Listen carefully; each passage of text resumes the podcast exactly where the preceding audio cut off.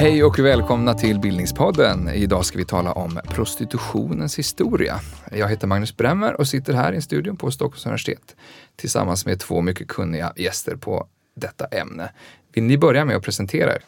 Jag heter Yvonne Svanström. Jag är docent i ekonomisk historia vid Stockholms universitet och eh, jag disputerade i början på 2000-talet på en avhandling om prostitution i Stockholm, eller kontrollen av prostitution. Och sen dess har jag forskat om prostitution även på 1900-talet, eh, skrivit en del om trafficking. Just nu så håller jag på att starta igång ett projekt om lösdriveri. Rebecka Lennartsson heter jag. Jag är docent i etnologi. Har också skrivit om prostitutionshistoria och disputerade på tidigt 2000-tal på en avhandling om prostitutionens historia i Stockholm på 1800-talet. Och eh, sen har jag liksom grävt mig åt andra hållet i historien, ner till 1700-tal. Och det har jag genomfört ett projekt men sitter fortfarande och filar på den här boken som inte riktigt vill bli färdig. Och det gör jag då på Stadsmuseet i Stockholm där jag är forskningschef och ansvarig för Stockholmia. Mycket Stockholm helt enkelt. Mm. Vi ska återkomma till det. Varmt välkommen till Bildningspodden. Tack. Ska vi då börja med att för lyssnare som inte kanske vet vad prostitution betyder, Yvonne, kan mm. du definiera? Ja, det kan jag förmodligen inte. Det är ju en ganska vid fråga och, och vida debatterad skulle jag säga. Men eh, ett enkelt sätt att ja, försöka, försöka sig på en definition det är ju eh, utbyte av sexuella handlingar mot ersättning i någon form. Mm. Och då kan den vara monetär eller av annat slag. Och det, jag skulle säga också att det här naturligtvis har varierat över tid man köper sex helt enkelt på, inte nödvändigtvis med pengar, men i någon annan form. Ja, och sex behöver då inte vara regelrätta samlag utan det kan vara tjänster av olika slag. Mm. När vi ändå pratar om ordet, visst finns det också en massa förskönande omskrivningar, eh, synonymer, andra ord som används för eh, prostituerade kanske framförallt? Ja, alltså det, återigen, det handlar ju om tid. Eh, vi som historiker kan ju se den här förändringen över tid men alltså, det finns ju både nedsättande och förskönande begrepp eh, som, precis som du säger, i första hand har, har handlat om kvinnan. Men det finns ju då, eh, de mindre sköna är ju liksom horor och, och skökor av allt möjligt. Sen de mer förskönande är väl eh, glädjeflickor och så vidare. Men offentliga kvinnor heter din avhandling. Offentliga kvinnor heter min avhandling. Eh, och det finns eh, skörlevande, eh, lösaktiga, otuktiga. Eh, så de flesta begrepp skulle jag säga ligger ju mindre åt den eh, förskönande mm. sidan. Mm. För sexköparen då? Oj, eh, där finns det kanske inte lika många men det finns ju eh, vad finns det? Det finns... Um, torsk är väl det vanligaste. Torsk är väl vanligaste. Mm. Det finns ju flera säkert från 1800-talet som jag har glömt bort. Mm. Men de är färre? De är färre. Det kan vi återkomma till. Mm. Eh, Rebecka, det kallas mm. ju ibland världens äldsta yrke. Är, mm. är, det sant? Nej, det skulle jag säga. Eh, ett, alltså det, är, det är ju en definitionsfråga som sagt. Och, och jag tänker lite så här. Att det vi definierar som prostitution idag är ju nästan då tror jag, att både, jag tror att vi är ganska överens om att det är en ganska modern företeelse egentligen. Men någon typ av kommersiell sexualitet, det tror jag man kan hitta i nästan alla kulturer, i alla historier. Eh, I alla olika eh, epoker. så. Men eh, sammanhangen ser så väldigt olika ut och det här har ju liksom lyfts på olika sätt också av olika forskare. Och man, har, man har pekat på att det kan vara rituellt eller det kan vara religiöst. Det kan helt, helt annan symbolik, helt annan betydelse. Mm. Men, men jag skulle säga att jag, jag tänker att det, världens äldsta yrke, det är liksom det man alltid... Det har vi på något sätt lärt oss att det är. Ja, men det håller inte jag riktigt med om. Jag skulle säga att det kanske, kanske kan vara världens äldsta stigma. Möjligen. Mm. Vad menar du med det? Horstigma tror jag kan vara ett av de äldsta stigman vi har. Eh, därför att det har, så vitt känt, så har skulden för en lösaktig sexualitet alltid hamnat på kvinnan. Och jag skulle nog dra det så långt så jag skulle säga att prostitution som vi känner det är ett resultat av eh, det här horstigmat snarare än vice versa. Hur menar du då? Jag menar att eh, den prostitution som både Yvonne och jag har undersökt är ju i väldigt stor utsträckning ett resultat av en speciell modernistisk kultur. Alltså en urban kultur som dels separerar sexualitet från kärlek, som separerar, separerar eh, yrkesliv från fritid, som separerar manligt från kvinnligt i hög utsträckning. Och eh, som betraktar sexualiteten som en relationslös drift som är liksom skild från, från de övriga kroppsliga behoven. Mm. Och eh, det resulterar i den här den reglementerade prostitutionen som i väldigt hög utsträckning skapar prostitutionen faktiskt. Och symptomatiskt nog så kommer ju också prostitutionen i samband med, med reglementeringen och med mm. den här institutionaliseringen av, av Just det, reglementering var ett sätt att kontrollera prostitution på ja. 1800-talet som vi ska prata om lite senare. Men Yvonne, vill du säga något om, om det här?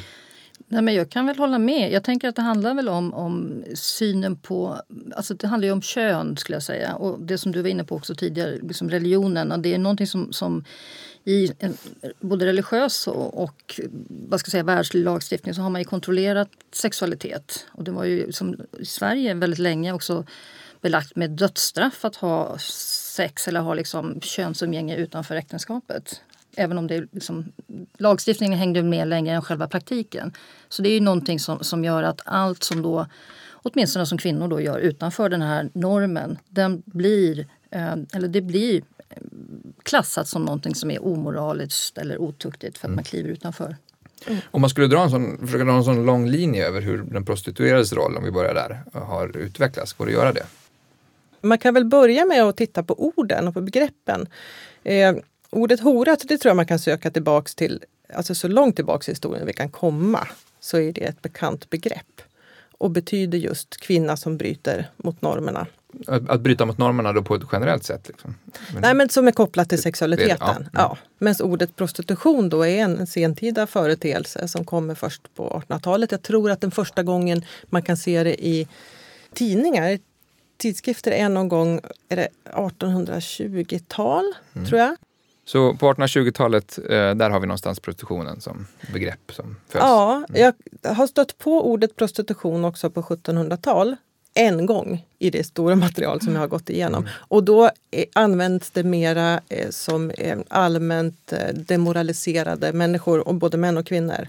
Mm. Alltså en, men på det här området ändå? Korruption. Ja, det, var, mm. det handlade om, om sexualitet men det, var, det handlade mer om liksom ett ruttet en, en rutten moral på något sätt. Okay. Mm. I vidare mening. Så först på 1800-talet så börjar man använda det här för att ringa in ett, ett samhällsfenomen som man börjar betrakta som någonting, eh, inte bara en moral, omoralisk handling utan att det här är liksom en, en det skapas en, en kropp av vetande kring det här ämnet mm. helt enkelt.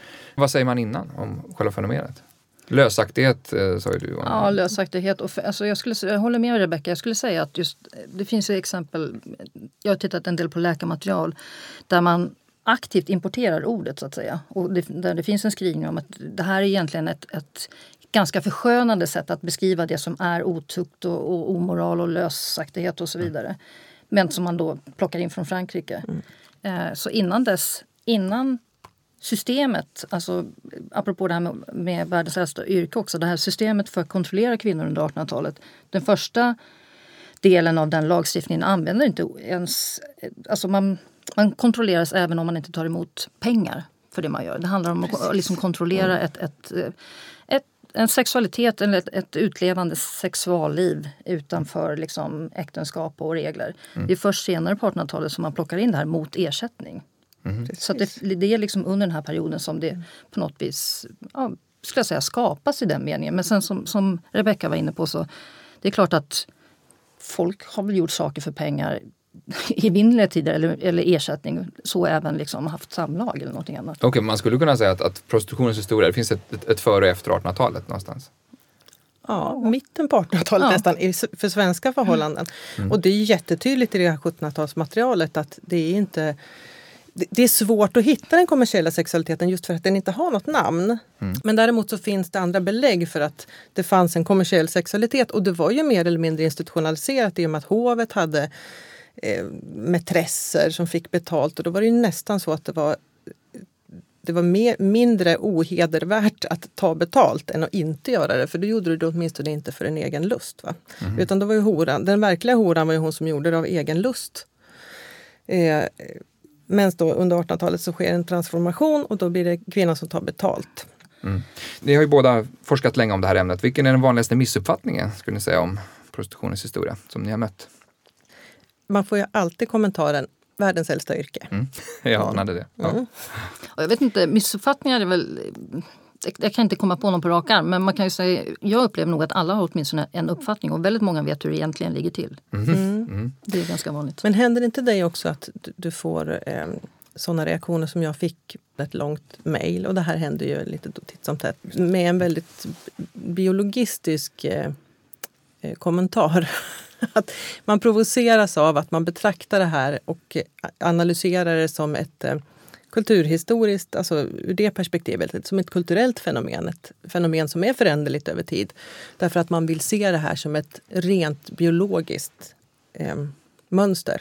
Mm. Och, att det, och där blir ju också det här, den här kommentaren, världens äldsta yrke, det blir ju till ett det liksom legitimerar det här på något sätt. Därför att det har, har alltid funnits och kommer det också alltid att finnas. Att det, det visar ett, på ett, att det är, det är ett tidlöst fenomen. Ja, precis. Att det handlar om biologi och inte någonting annat. Det är liksom rent från kultur. Och det argumentet är väl rätt gammalt också gissar jag då? Eller det, ni har sett, ni ser det i ert historiska material också, att det här är någonting som ja, inte går att... Alltså det var ju väldigt stort inom läkarkåren. Alltså det var ju därför man behövde en, en grupp kvinnor som kunde bistå då de män som inte kunde gifta sig på grund av olika skäl. De måste ändå få utlopp för sin sexualitet innan de då gifte sig med hedervärda kvinnor. Mm. Så, och då måste det finnas en grupp som då dessutom är medicinskt kontrollerad så att man inte heller blir sjuk. Om man vänder på det, vad är det mest intressanta med att forska om prostitution? Vad har ni tyckt om? Det är säkert massa olika saker, men kan ni säga en grej? Ja, det är väl just förändringen, tycker jag. Och eh, kombinationen av seghet och förändring. För det som har bestått genom århundradena, genom reformation och genom eh, romantik och modernitet och en sexuell revolution. Så är det ju, och de här otroligt stora samhällsförändringarna, så det faktumet kvarstår ju att det är fortfarande idag kvinnan som är den som får bära skammen och skulden. Även om det börjar hända saker där. Mm. Så är det en otrolig seghet mm. i detta. Okej, så den dynamiken någonstans i mm. materialet. Och att det stigmat är så, så töjbart och tändbart och att det anpassar sig tänker jag efter, efter samhällsförändringarna. Det är någonting som också är väldigt påtagligt som jag inte hade tänkt på innan jag började liksom gräva mig neråt i historien. Hur menar du? Ja men det är så tydligt att på något sätt det är någon slags uppsamlande kärl för allt som samhället för tillfället föraktar. Så under 1700-talet, den stora skulden hos horan då, det är att de bryter mot Guds bud, att hon är omoralisk under 1800-talet så finns det flera förklaringsmodeller men där är det nästan mer att hon bryter mot en, någon slags kvinnlig eh, förment natur som är den stora skulden hos henne. Och det hamnar alltid på kvinnan. Och idag så, så har vi ju också, har ju kontexten har, ju, har ju ändrats trots att samhället har genomgått så stora förändringar och vi har ett mycket mer jämställt samhälle så är det fortfarande den här prostituerade kvinnan som ofta då får bära skammen och skulden. Och nu har ju, är det tydligt att man har gått från Gud via naturen och kanske till ett jag. Alltså att man anta, antas bryta mot eh, hon gör våld på sig själv. Mm. Att man, och det är det som är liksom skamfyllda. Mm. Yvonne, vad tycker du är mest intressant? Ja, men det, jag håller med Rebecka om det här med föränderlighet. Och det som jag tänker att du implicit säger kanske också är ju att det man får fatt på, eller det som är uppenbart, är liksom att det är frågor om kön och makt det handlar om hela tiden. Eh, och vem som har liksom rätten att definiera framförallt då skulle jag säga kvinnors roll i samhället över tid. Och den här, vilka normer och vilka regler kan man kliva över? Och tänker jag också, den här kontrollen, det handlar om så mycket annat också. Det handlar om, om man går ännu längre tillbaks, den här kontrollen över ekonomin. Att, att vem att kontrollera kvinnors sexualitet det handlar ju också om vem får ärva. Är det här mitt barn? Säger, säger maken. Liksom. Du har ju kliv, vem får mina pengar? Det finns ju liksom så mycket i, i just det här fenomenet som faktiskt kvarstår då men förändras över tid. Och det är olika ak aktörer liksom som kliver in på de här olika banorna. Under 1800-talet så är ju läkarkåren väldigt aktiv och polisen väldigt aktiv. Och sen så ser vi liksom olika aktörer som är, går emot det här reglementeringssystemet och under 1900-talet så är det igen olika olika aktörer som antingen är för eller emot, precis som du var inne på med, med ska det här ska det legaliseras eller ska vi ha en rörelse som förbjuder. På vilket sätt ska det legaliseras? På vilket sätt ska det förbjudas? Det är alla, inte alla, nu överdriver men väldigt många har liksom en uppfattning om mm. det här. Vi ska prata ganska mycket om, om uh, olika sätt att hantera och reglera prostitutionen historiskt. Men om vi börjar mer nutida. Då. 1999 fick Sverige som första land en sexköpslag. Kort bara, vad, vad går den ut på? Den går ut på att det är förbjudet att eh, köpa eh, sexuella handlingar men det finns ingen kriminalisering av att eh, sälja. Mm. Så man, man kriminaliserar liksom köpet? köpet. Mm. Mm. Hur, kom det, hur, hur, kom den här lagen till? Kortversion. Kortversionen. Kortversionen är att, att eh, det, började disk det diskuteras kanske inte jättemycket i kvinnorörelsen skulle jag säga. Kvinnorörelsen i Sverige var ju mer inriktad på, på arbete och sådana saker. Men till viss del så fanns det eh, en diskussion. Men det togs ju upp i riksdagen eh, redan på slutet av 70-talet, 80-talet och framförallt då av centerkvinnor som lyfte fram köparens roll. Sen så gick man faktiskt samman olika kvinnor, de olika kvinnogrupperna i, i riksdagen, alla utom Moderaterna, i en gemensam motion angående det här. Nu kommer jag inte ihåg riktigt när det var någon gång på ja, 90-talet. Och mot slutet då så drevs det i ganska hög utsträckning av, av um, socialdemokratiska kvinnor. Mm. Och man fick med sig då riksdagen när man röstade om det. Och, och, lagen står i direkt relation till det här stigmat som ni pratar om, att det här handlar om att vi kriminaliserar köpet. Ja, eh, målet, ja alltså målet så som det diskuterades och, och så som det också skrevs fram var ju att vända på det hela, att man försöker få eh, man, prostitution består av två parter och fokus ska i sådana fall ligga på köparen i högre utsträckning än på den som säljer. Vad var målet? med Vad, vad trodde man att man skulle få se för effekter med den här lagen? Ja, bland annat så, så var väl tanken att det skulle avskräcka men, eh, både sådana som ville börja prostituera sig och, och män från att köpa. Eh, det andra var ju också att eh, på något vis eh, lyfta fram kvinnornas eh, situation i, i det hela. Mm. Har det påverkat eh, prostitutionen i Sverige? Inledningsvis så såg man ju en minskning av, av gatuprostitutionen. Mm. Sen så har väl det här varierat över tid. Eh, jag skulle säga generellt sett så har det väl eh, lett till ändå en ökad medvetenhet om att det faktiskt är två parter i den här sexuella, alltså de som köper och de som säljer. Från att det tidigare liksom den här köparen var väldigt anonym eller kanske inte ens, man tänkte inte ens på mm. det sättet. Eh, det är väl det som jag tror är effekten. Och när man frågar yngre personer så verkar det ju ändå vara som att man, nej men, man köper inte sex. Så mm. det är möjligt att det är en attitydförändring. Sen så mm. tror jag att det där, precis som med, med reglementeringssystemet eh, över tid. Vissa tror jag inte känner, känner, till lagen. Nu är det ju rätt länge sedan den fördes in. Inledningsvis debatterades den ju jättemycket. Men som så många, stor lagstiftning, den bara finns där. Men hur gammalt är det argumentet då? Alltså hur, det började röra på sig någonstans på 70-talet att man sätter ljus på sexköparen. Men historiskt, vad, vad har ni sett i argumentet? Det fanns ju ett motstånd även under reglementeringens tid.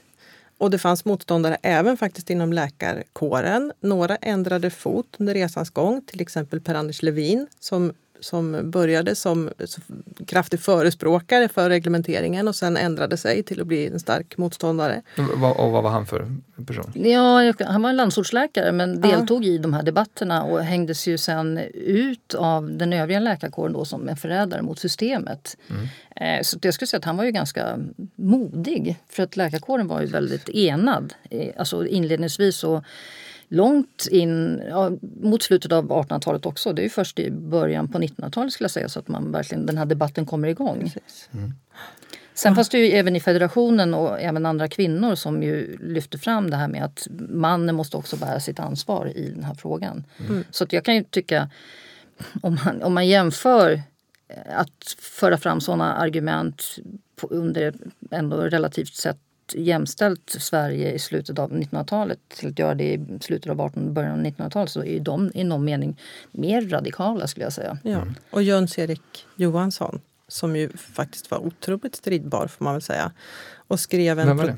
Han var också läkare. Han var, ja, han var väl fysiolog tror jag eller någonting. Men ja. han blev huvudsekreterare i den utredning som skulle reda ut om reglementeringen skulle vara kvar eller inte. Mm. Och vad skrev han? Ja, han skrev en eget, dels så gjorde han en större egen undersökning eh, 1904 om jag inte minns fel.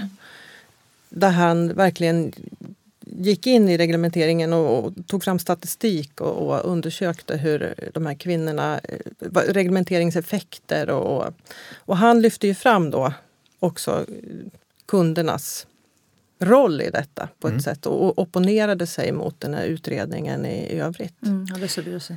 Säg bara något kort om vad, alltså vad reglementeringen gick ut på.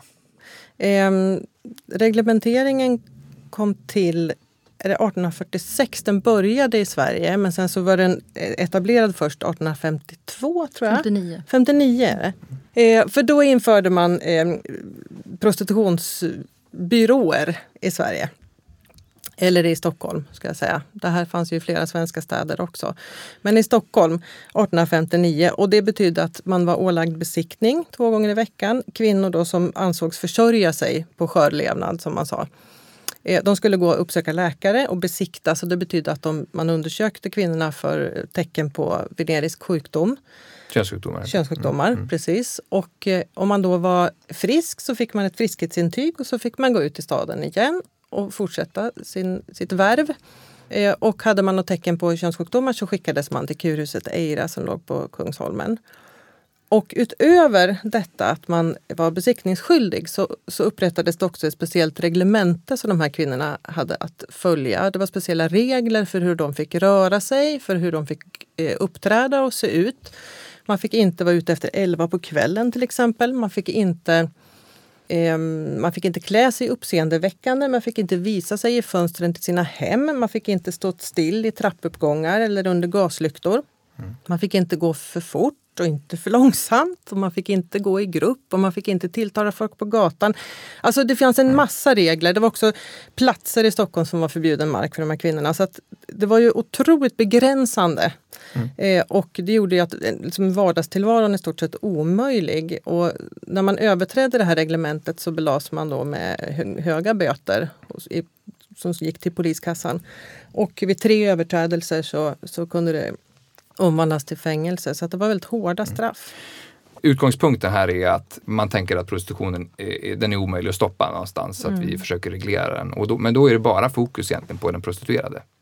Ja, absolut. Eh, det mm. gjordes ju också i samband med den här utredningen av reglementeringen så gjorde Magnus Mörner väl, en undersökning också av eh, sexköparna för att ta reda lite grann på vilka de var. Men då resulterade det, man landade i att det här var liksom eh, i allmänhet unga, friska eh, män. Muntra också. Eh, muntra också.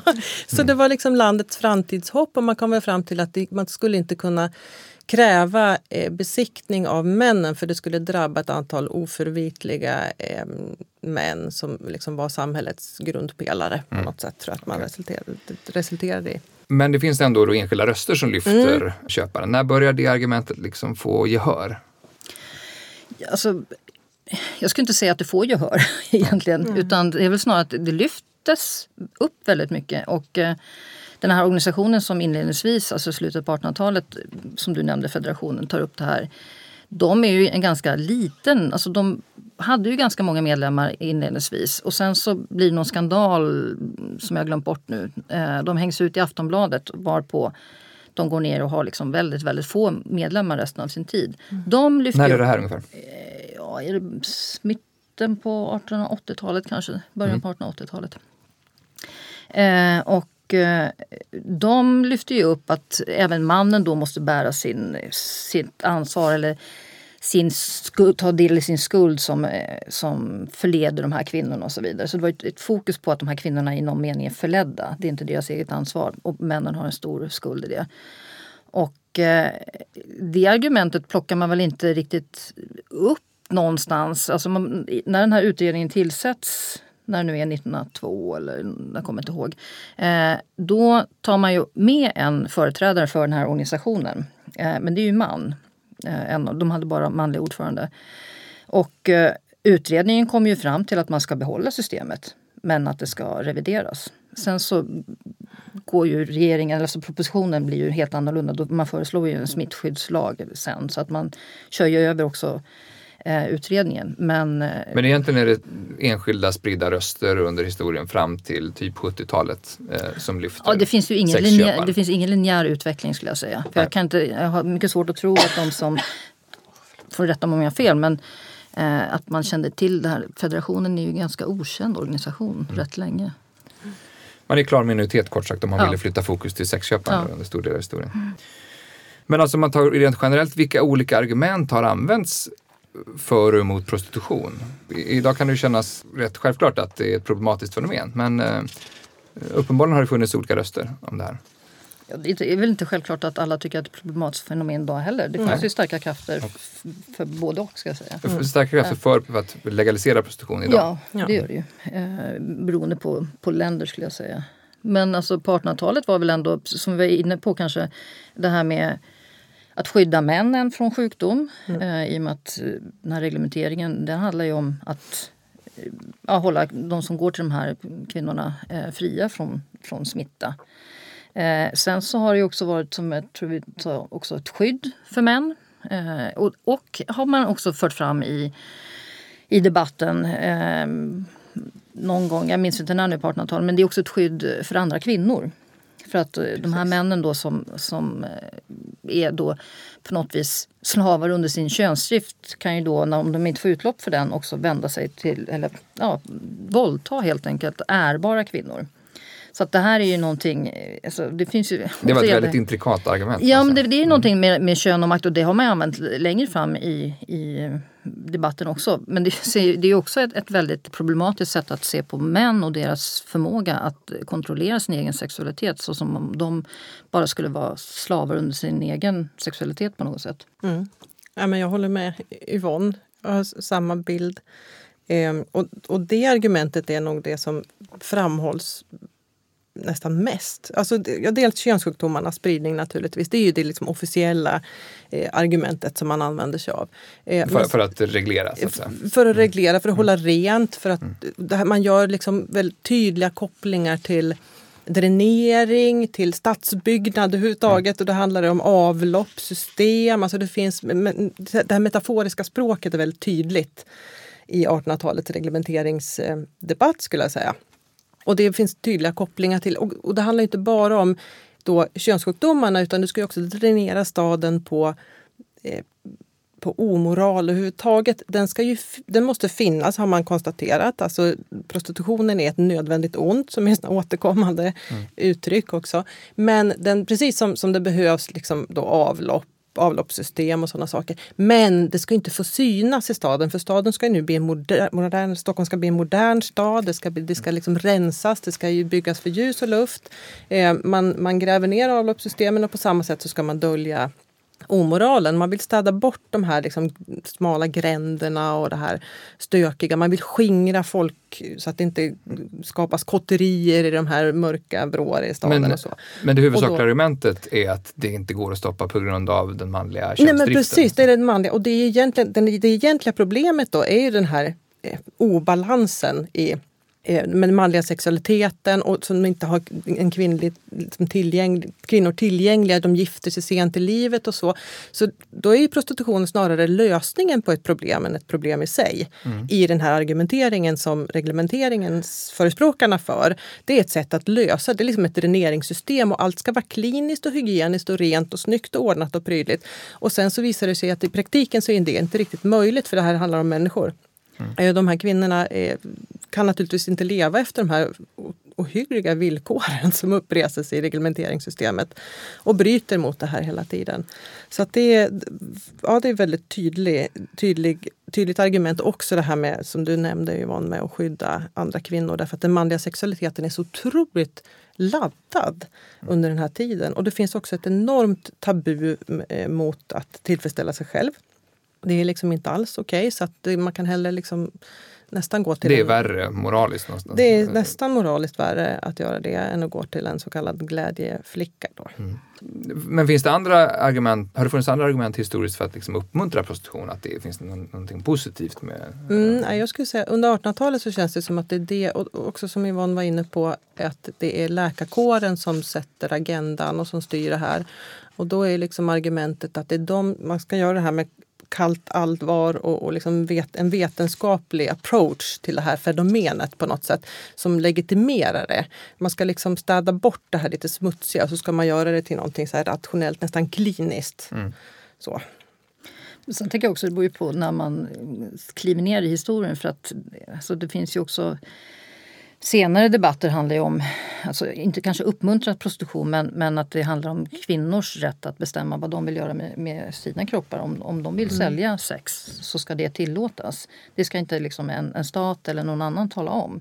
Så det är ju också någon, kanske ett nyare fenomen skulle jag säga. Mm. Som inte kanske hördes på 1800-talet i lika hög utsträckning. Men när hördes det argumentet senast i Sverige?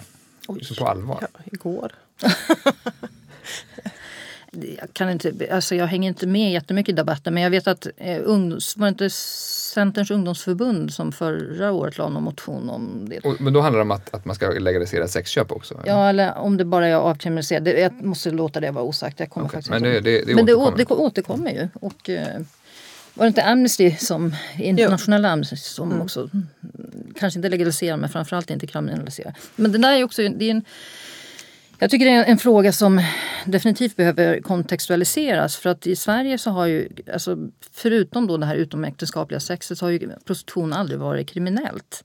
Det har aldrig varit kriminaliserat. Medan i många andra länder i Europa och på andra ställen också så har ju köp, både köpa och sälja varit kriminellt. Att då blir liksom kontexten en annan när man diskuterar de här frågorna. Det blir ett annat sammanhang. Så mm. mm. okay, så det, det unika för Sverige är just att man enbart kriminaliserar köpet. Ja, nu längre är det inte unikt för Sverige, men, men då, då var det det. Det är flera länder som har Ja, det finns flera länder som, som har fört in något liknande. Sen så anpassas ju lagstiftningen naturligtvis till deras förhållanden. Men eh, Norge har fört in den och även Island i de nordiska länderna. I Finland diskuterar man det men man gjorde det aldrig. Sen vet jag också att man fört in det i England i en slags variant, på Irland, i Kanada tror också i Wales. Eh, och sen så, du var inne på eh, Frankrike också. Har man använt Sverige som exempel här? I debatten gör man nog det. Eh, sen så har väl också på senare år så har väl också många svenska politiker velat föra fram den svenska sexköpslagen som något slags ideal, vilket jag kan tycka är det, det är ju att slå mynt av någonting för, för politiska syften som kanske inte var, var tanken i början. Alltså, Svensk export. Ja men alltså det finns ju en, en förvånande, skulle jag säga, med tanke på hur, hur debatterat och omtvistad den här lagstiftningen var när den infördes finns det nu när man tittar på, på eh, riksdagstryck som jag gjort lite grann på, på 2010, 15-talet eh, en rörande enighet om att det här är en lagstiftning som ska behållas. Så det är en, en förvånande vändning skulle jag säga. Mm. Men om vi skulle prata lite mer kulturhistoriskt, bilden av den prostituerade och sexköparen. Eh, går, det ut, går det att utse den historiens eh, mest eh, berömda prostituerade och sexköpare? Um, sexköpare har väl varit anonyma hela tiden. Jag tror inte att någon har gått till historien som en ökänd sexköpare. Däremot så finns det eh, ganska många berättelser om män som är alltså, stora älskare. Mm. Som ofta i praktiken har varit just sexköpare. Och där har du väl eh, ja, men de stora, du har ju Don Juan och, och eh, sådana stora... Men byggde inte ja. det på att de inte behövde så att säga, köpa sexet? Eller? Ja, men det, det, är väl verkligen en glidande skala hela tiden. Och där har du också den svenska motsvarigheten som inte är, är så känd kanske, men som, som faktiskt är någon slags svensk motsvarighet till eh, Casanova. Som inte alls är lika känd, men som ändå skrev sina erotiska memoarer på liknande sätt, fast faktiskt innan Casanovas memoarer var kända. Casanova en italiensk eh, Don Juan, typ? Ja, mm. precis. Um, han hette Hallenstierna, eller Haldin, när han var ung. Och eh, hans eh, erotiska levnadshistoria finns nedtecknad från 1700-talet. Och den gavs ut också, fast först 1972 så bedömde man att eh, världen var redo för Hallenstiernas mm. kärleksäventyr. Mm. Eh, han har ju satt sig i sinnet att inte besöka det, vad han, det han då kallar publika kvinnor. Att inte gå till horhus. Eh, bordeller fanns inte som begrepp på 1700-talet heller. Det handlar om förförelse någonstans. Mm, Men, men han hamnar ju likväl hos Platskan till exempel som var en av Stockholms mest ökända kopplerskor. Kopplerska är ytterligare ett namn för, då för samma sak.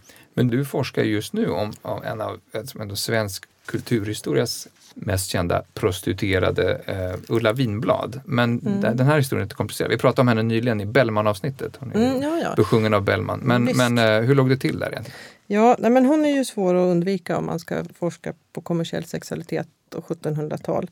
Eh, man kan säga också att det finns en hel del litterära eh, gestalter som är kvinnor och prostituerade som har gått till historien.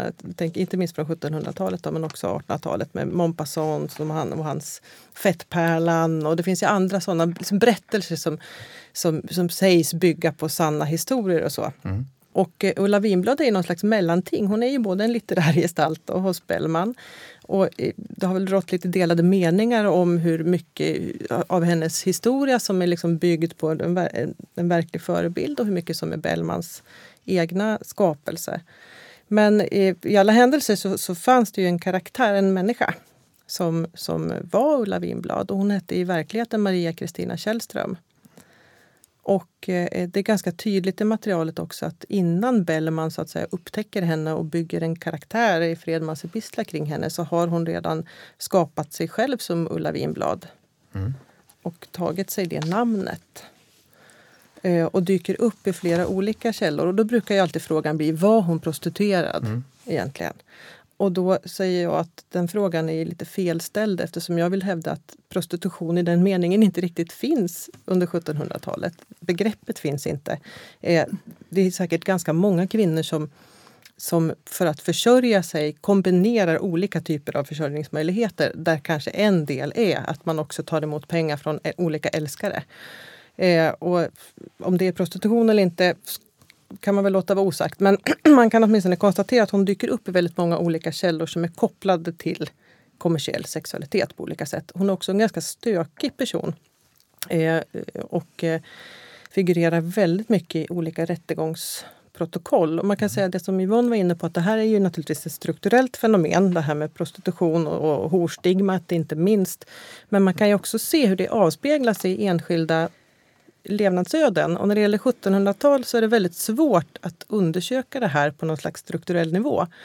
Därför att ordet prostitution inte finns. Det finns inte en juridisk, som, som juridisk kategori och så. Så man måste nästan ner på, på Det går inte gatunivå. att säga något generellt om, hur, om fenomenet. Ja, men det, alltså, för, att, för att kunna nysta upp det så måste man nästan börja hos individerna på något sätt. Och där är ju Ulla Winblad en, en ingång. Och hon går ju att följa. Vi har ju fantastiskt eh, material att tillgå när vi ska forska kring historien i Sverige. För det finns så fantastiskt mycket arkivmaterial kring enskilda människor. Så att jag har haft den ingången i den här forskningen. att liksom börja nysta på trådar eh, kring, kring människor som jag har upptäckt har kopplingar till, till kommersiell sexualitet. Och då kan man till slut liksom uh, skönja någon slags mönster.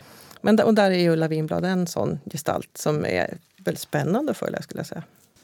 Men om man tänker bilden av den prostituerade, hur, i hur hög grad hänger den ihop med stadsmiljön? Man tänker det, det allmänna offentliga rummet någonstans. Ja. Ja, men den prostitution som vi pratar om här, alltså som man förknippar med moderniteten på något sätt, den är ju väldigt urban till sin karaktär. Den här flyktigheten, att man, väldigt många av de här männen som har köpt, vissa statistik kan inte ens namnet på de här kvinnorna.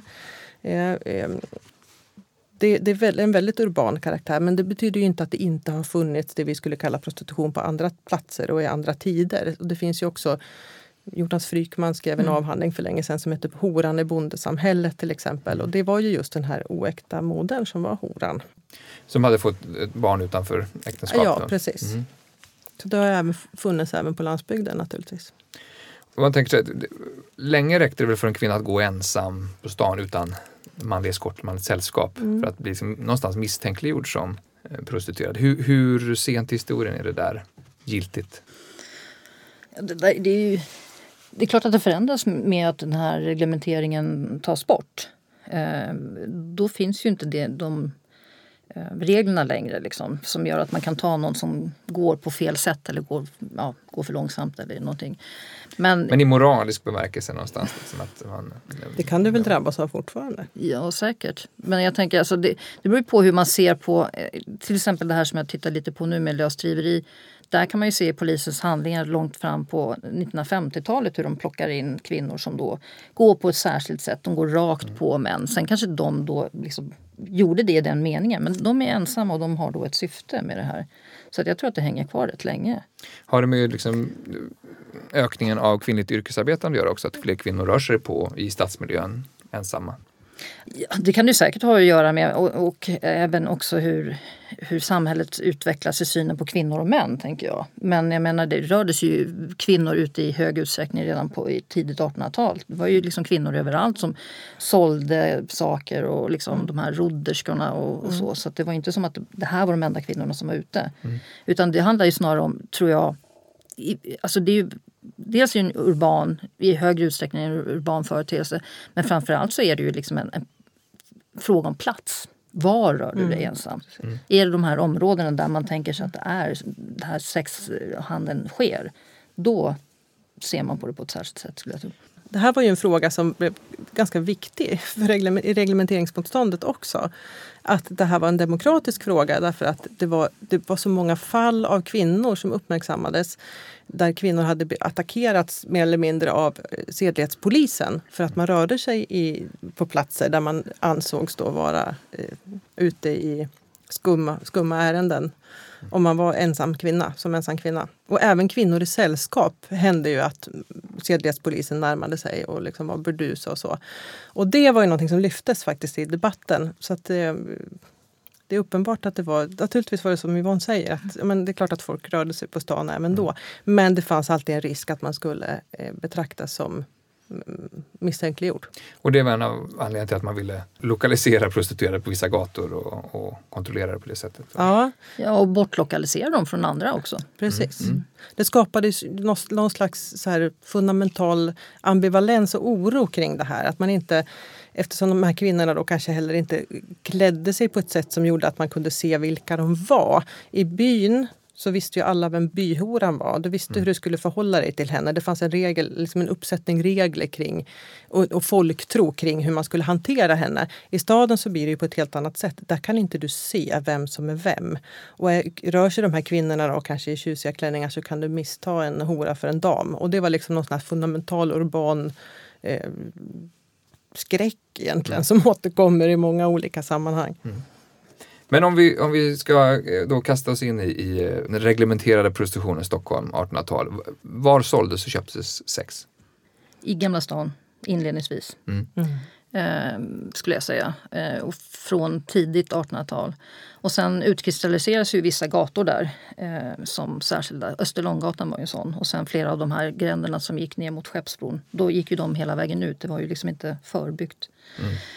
Och där är ju liksom, jag menar, i, vid Skeppsbron där det finns handlare, där det finns sjömän och så vidare. Men du säger, de utkristalliserades som prostitutionsgator. Var det så att prostitution började ske där och sen försökte man kontrollera eller var det som att man eh, hänvisade de här personerna? Nej, inte, inte hem. Man kan väl säga så här att när man, när man väl, om man tittar på det material som jag tittat på som är ju då tacksamt ska jag inte säga, men, men det är, till skillnad då från 1700-talet så finns det ju, när man inför det här systemet så blir det ju genom administrat Liksom, det blir en stor administration så det finns ju jätte, jättemycket efterlämnat material. Det man kan se när polisen, när man inför det här ordentliga då reglementet 1859 eh, efter det här som kom 1847 då registrerar man ju de här kvinnorna. Och vad man kan se är att vissa, vid vissa gator och vid vissa eh, ja, hus så är det flera kvinnor som bor tillsammans som sen blir här kallade kaffehus. Och de är i Gamla stan vid vissa liksom, gator. Kaffehus? Kaffehus eh, kallar man... Eh, alltså, kaffehus är ett ställe där man dricker kaffe men det blev ett, ett namn för inofficiella bordeller skulle jag säga. Ett, man, har in, man införlivade ju aldrig i, under det riktiga reglementet bordeller i reglementeringssystemet som man gjorde i andra länder. Till exempel i Frankrike var ju det vanligt förekommande. Men först bara kort, vad, vad menas med en bordell? En bordell är ju mer, eh, alltså det är ju till skillnad från gatuprostitution så är det ett ställe, ett hus eh, där samma, vad ska jag säga, samma köp och sälja pågår. Eh, men att du, du tar dig till den platsen och du vet var den ligger. Sen så som om man då, i och med att vi inte hade på samma sätt i, i Sverige så går det, det är ju svårt att säga liksom hur, det, vad, hur det såg ut i de här kaffehusen. Det finns Mm. en del berättelser från tidigare ehm, tidigare försök med kommunala bordeller. Men i Frankrike där det här sattes i system så fanns det ju olika grader av typer av bordeller. Liksom. Sådana som var liksom mer lyx, sådana som var mittemellan och sådana som var liksom inte alls så speciellt flärdfulla. Men, men finns det någon enkel förklaring till varför det inte fanns så mycket bordeller i, i, i Sverige, Stockholm? Det var förbjudet att hålla hus där otukt bedrevs, som det uttrycktes. Men, men som, precis som, som Yvonne säger så fanns det ju en mängd inofficiella bordeller som man kände till och som man såg mellan fingrarna på. Men skillnaden mellan Paris vid den här tiden och Stockholm det är att man skulle kunna gå förbi ett bordell och se eh, kvinnor titta ut genom fönstren Ja, och allt det som var, blev förbjudet. Ja. Är det, Och det, här var det förbjudet, men det fanns ju då också det fanns flickställen som var eh, helt enkelt hyreshus där kvinnor kunde bo fastän det var känt att de var prostituerade. Där tog hyresvärdarna, som ofta var kvinnor själva, väldigt högt betalt av sina hyresgäster. Sen fanns det också partihotell och det var kanske det vanligaste sättet att bedriva prostitution på. Men det här, det här är ju senare på, Det här är- på 1900-talet, så, slutet av 1800 Ja, det finns 19. också sent 1800-tal. Och där är ju till exempel eh, Norra Smedjegatan det mest ökända stråket i staden. Men ett partihotell, vad, vad? Partihotell var ett hotell som tog betalt per parti. Alltså du kunde komma en man och kvinna. eh, Och kanske också man och man ibland. eh, Och betala för en halvtimme eller så. Och du behövde inte skriva in ditt namn i liggaren till exempel. Apropå det, manliga prostituerade. Eh, Ja. Hur vanligt är det i historien? Det dyker ju inte upp i det här kontrollmaterialet överhuvudtaget. Inte i reglementeringsmaterialet Nej. alls. Men det har funnits. Det har funnits. Soldatprostitution brukar man ju prata om. Mm. Eh, Soldatprostitution? Ja, att, att yngre, eh, alltså män som var soldater prostituerade sig för att dryga ut eh, kassan helt enkelt. Mhm. Och Humlegården var väl ett ganska sånt känt område. Och då var köparna både män och kvinnor? Med män, ut- företrädesvis män. Ja, och vi har nyss suttit och tittat på ett material som finns på Hallwylska. Eh, där En institution här i ja, Stockholm. Hallwylska palatset. Eh, och där var det en man som arbetade för grevinnan Hallwyl. Han förtecknade hennes material för hon ville göra ett museum av sitt hus. Sen fortsatte han förteckna och gick ut i staden och bland annat så förtecknade han allt toalettklotter. Och där är ju den här historien väldigt tydlig. Det är en bit in på 1900-talet men det är mm, eh, klotter då från urinoarer företrädesvis. Och det berättar väldigt mycket om den här historien med manlig prostitution eller manliga möten överhuvudtaget. Jag tror gränsdragningen är väldigt svår i de där fallen. Men man kan säga att både män och kvinnor har sålt sex historiskt, även om det är betydligt fler Ja. kvinnor. Men det är i stort sett bara män som har köpt. Det skulle jag säga. Det är, majoriteten Det går är ju säkert det. att hitta Ja. exempel men det, är, det är verkligen, hör ju till sällsyntheterna. Det är ingenting man stöter på. Men om man tänker i Stockholmsmiljön, det ska vara det här eh, kliniska, ordnade prostitutionen, men den ändå finns. Vad finns det för miljöer som eh, väldigt många ändå eh, förstår att här kan man nog hitta en prostituerad? Fanns det sådana miljöer? Ja, Norra Smedjegatan är ju ett sånt exempel. Mm. Där alla visste om eh, vad som för sig gick och gick man dit så, så kunde man hitta kvinnor som höll sig i närheten av de här platserna. Men det som du var inne på också, sen, det flyttas ju över tid. Mm. Eh, inledningsvis på 1800-talet och i mitten på 1800-talet så är det ju Gamla stan. Men sen så för man ju in förbud bland annat att kvinnor får inte bo ihop mer än si och så många. Och eh, sen så förbjuder man också de eh, reglementerade kvinnorna som eh, skrivs in senare i, systemet att bosätta sig i Gamla stan. Så de, sen flyttar ju all det här i högre utsträckning till ja, Östermalm och Norrmalm, alltså norra, norra Smedjegatan ligger. Men visst var det så att vissa näringsverksamheter också var lite kodade? Så eh, cigarrbodar till exempel har du skrivit om Johan. Ja, det, det nämns ju åtminstone anekdotiskt i vissa pamfletter och så vidare att eh, i en cigarrbod så fanns det cigarrflickor och liksom man sålde cigarrer vid disken men bakom disken så såldes det annat. Det här är ju ingenting som, som liksom syns i det här mer offentliga materialet. Men, att det Men det ligger kanske i sakens natur? Ja, precis. Och det finns väl även andra Jag tror att några cigarrbodar är listade på såna här misstänkta ja, tillhåll också. som tillhåll. Så, Ja. ja. precis. Men var det så att man kanske tänkte att det är så diskret så att det är någonting vi kanske kan se mellan fingrarna med? Det tror jag definitivt att man gjorde. Det är svårt att uttala sig om för det finns ju inte nedskrivet någonstans. Men man kan ju förstå mellan raderna att man resonerade så, så länge det inte störde för många människor. Men det finns ju ett spännande material också på prostitutionsbyrån med inkomna brev. Och det är ju ofta just sådana brev från grannar som har blivit störda just av trafiken och av, av, av busliv. Och prostitutionsbyrån var de som hanterade själva den här Precis. regleringen. Mm. finns det andra sådana liknande platser som man underförstått förstod? Och kanske inte platser men, men verksamheter. Vissa verksamheter var ju liksom kodade lite grann och där har du till exempel apelsinflickorna. Apelsinflickan kunde nästan fungera som en synonym för prostituerad också. En kodord. som sålde apelsiner? Ja, och det kom sig väl av att eh, det redan på 1700-talet var liksom eh, känt att kvinnor som gick då med korgen, alltså att man gick och sålde eh, till exempel exotisk frukt från en korg, så kunde det vara så att man också hade annat att erbjuda. Mm. Och det tror jag levde kvar in på 1800-talet också. Mm. Men det, fanns, det gjordes försök med kommunala bordeller? Ja, inledningsvis så gjorde det på, och det var ju före själva reglementeringssystemet. Och det mm. tror jag har att göra med eh, att det här franska... Man gjorde, man gjorde ju ett försök 1837 att eh, ta in kvinnor eh, för kontroll eh, utan att det fanns nedskrivet i någon slags system eller reglemente. Det gick, gick ju sisådär kan man säga. För att de, de här kvinnorna som polisen försökte ta in blev ju förbannade liksom, och gjorde motstånd så man la ner det där. Året efter gör man ju försök då med eh, två ställen i Gamla stan. Ett vid Järntorget som hette, var det som hette Stadt Hamburg. Och, eller fick namnet Stadt Hamburg och ett eh, ställe vid eh, nere mot Skeppsbron i en av gränderna eh, som då kallades London. Det här var kaffehus som Det skulle vara en liten eh, liten internationell touch på dem. Ja, alltså jag, det är åtminstone min tolkning att eh, liksom synden kommer ju utifrån. Den, den kom, finns inte i Sverige. Mm. Och jag menar, det, om man bara tittar på, nu gör jag en liten utveckling här, men om man tittar på syfilis så kallades ju det alltid någonting annat. Det var ju mm. den franska sjukan eller den mm. polska sjukan. Italienska och, och eh, soldatsjukan. Alltså det är alltid någon annan liksom. Mm. Och det var en, en könssjukdom som var också väl... Som var del i det man försökte kontrollera med det här reglementeringssystemet. Och finns väldigt mycket i tidens kultur också. Absolut, väldigt mm. mycket. Men de här båda kaffehusen då fick ju enligt ja, vissa uppgifter ändå någon slags semi-officiellt tillstånd eh, att då ha, ja, agera som bordeller.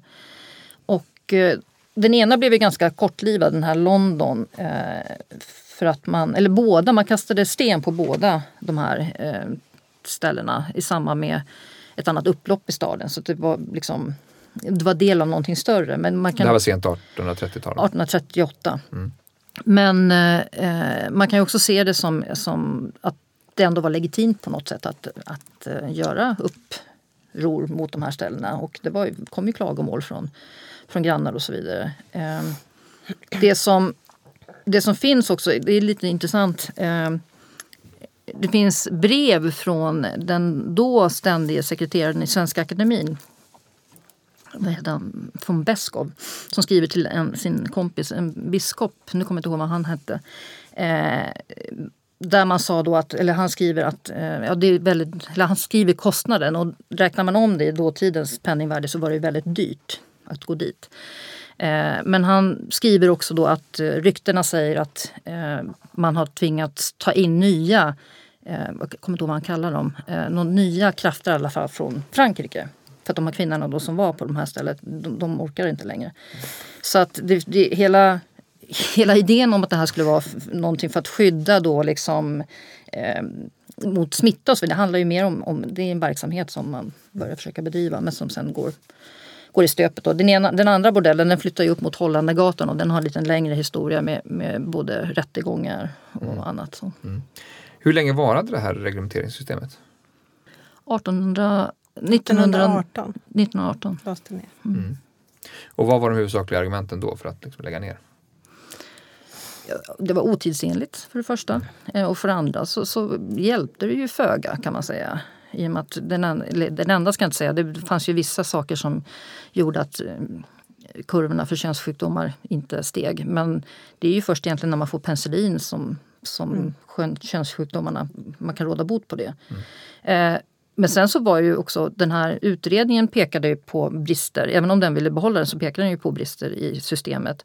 Men framförallt så var det, jag menar 1920 eller 1918 då har vi haft första världskriget och det är liksom ett, det är en helt annan, det är ett förlegat system i en liksom ny värld. Tiden kom ikapp det Tiden kom ikapp det. Fast jag vet inte om det var det som var argumentet Nej, det var inte argumentet. Utan det mm. var väl nästan att man hänvisade till att det var inte ekonomiskt försvarbart mm. i relation till till de hälsovinster som gjordes Mm. så var det, var det alldeles för kostsamt. Jag tror att man Att formulerade det på, någonting sånt, sånt, på något sånt sätt. Mm. Så att man inte kunde motivera att man skulle ha det kvar. När ni eh, liksom, lyssnar på dagens debatt om prostitutionsfrågor så hur, hur mycket känner ni igen från liksom, historien? Vissa saker går ju liksom bara i, i cirklar. Ja, både ja och nej. Det, det, beror ju, det beror på vilken debatt man lyssnar på skulle jag säga. Eh, jag tänker mig att det som ofta lyfts fram eh, när det gäller motstånd mot prostitution idag så lyfter de som då har motsatt åsikt lyfter ofta, fram att det är moraliskt. Det är moraliska argument. Ni moraliserar över sex. Och det är ju någonting som man också sa mot, mot eh, de som gjorde samma sak i slutet på 1800-talet. Jag tänker mig att det är egentligen kanske där det bottnar eftersom de var också väldigt religiösa. Argumenten är de samma men de, de bottnar ju numera på en annan grund snarare. Det är inte så mycket moral kanske som, som en syn på kvinnors rättigheter i samhället som, som ligger till grund för de flestas argument nu.